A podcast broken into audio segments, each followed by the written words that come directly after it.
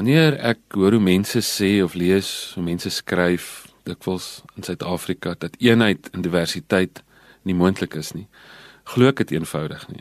Ek is by Echo en ons het die laaste 18 jaar die voorreg om te sien hoe, hoe mense vanuit die mees uiteenlopende agtergronde saamleef. Meer as een ou uit die Kongo, ons het 'n Indiër in 'n op hierdie stadium in Zulus en Sotos en Afrikaners wat eenvoudig saamleef ook oor sosiale en ekonomiese grense en ons het ingenieurs en onderwysers en selfs 'n argitek en twee bourekenaars en noem dit wat saam met ekstraatkinders en vlugtelinge in in huise woon en wat dit kies juis omdat hulle glo dat hulle baie het om te leer by hierdie mense en omdat hulle graag 'n verskil wil maak. Baie van die mense in ons land maak vandag asof diversiteit eintlik ons grootste probleem is, asof dit 'n tipe vloek is, 'n krisis is waarmee Suid-Afrika sit. En ons beleef dit eintlik as die grootste seën. Mense het eintlik die meeste om te leer juis by die mense wat anders as jy is. Wat het jy nou om te leer by iemand wat net soos jy is? In Kolossense 3 vers 11 sê Paulus iets hiervan, en hy sê dit later weer in Galasiërs 3 vers 20. Kolossense 3 vers 11 sê hy: Hier is dit nie van belang of iemand Griek of Jood is nie, en besny of nie besny nie, andertalig, onbeskaaf, slaaf of vry nie.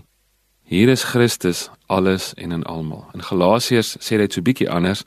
Hy sê dit maak nie saak of iemand 'n Jood of 'n Griek is, slaaf of vry, man of vrou nie. In Christus Jesus is hulle almal een. Nou die dag bel 'n tannie my en sy sê sy wil klere skenk vir een van ons huise. Maar dan voeg sy by, ja, sy sê vir Dominee, maar dit mag net vir ons mense gaan. Nou dis 'n bietjie van 'n probleem want ons vat enige kind in nood, maak nie saak van watter agtergrond hy of sy uh, vanaf kom nie, solank ons plek het. En uh, ek sê toe vir ek sê bedoel tannie met ons mense iemand vir wie God gemaak het en vir wie Jesus gesterf het.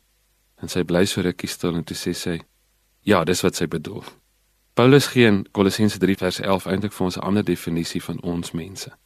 In die vroeë kerk het van die mees uiteenlopende mense denkbaar mekaar broer en suster begin noem en dit bedoel. Wanneer mense sê of wanneer ek lees hulle skryf dat eenheid en diversiteit in Suid-Afrika nie moontlik is nie, dan glo ek hulle eenvoudig nie. Kan jy dink hoe anders ons wêreld sou wees as in 'n land met soveel Christene ons weer hierdie ding kan ontdek?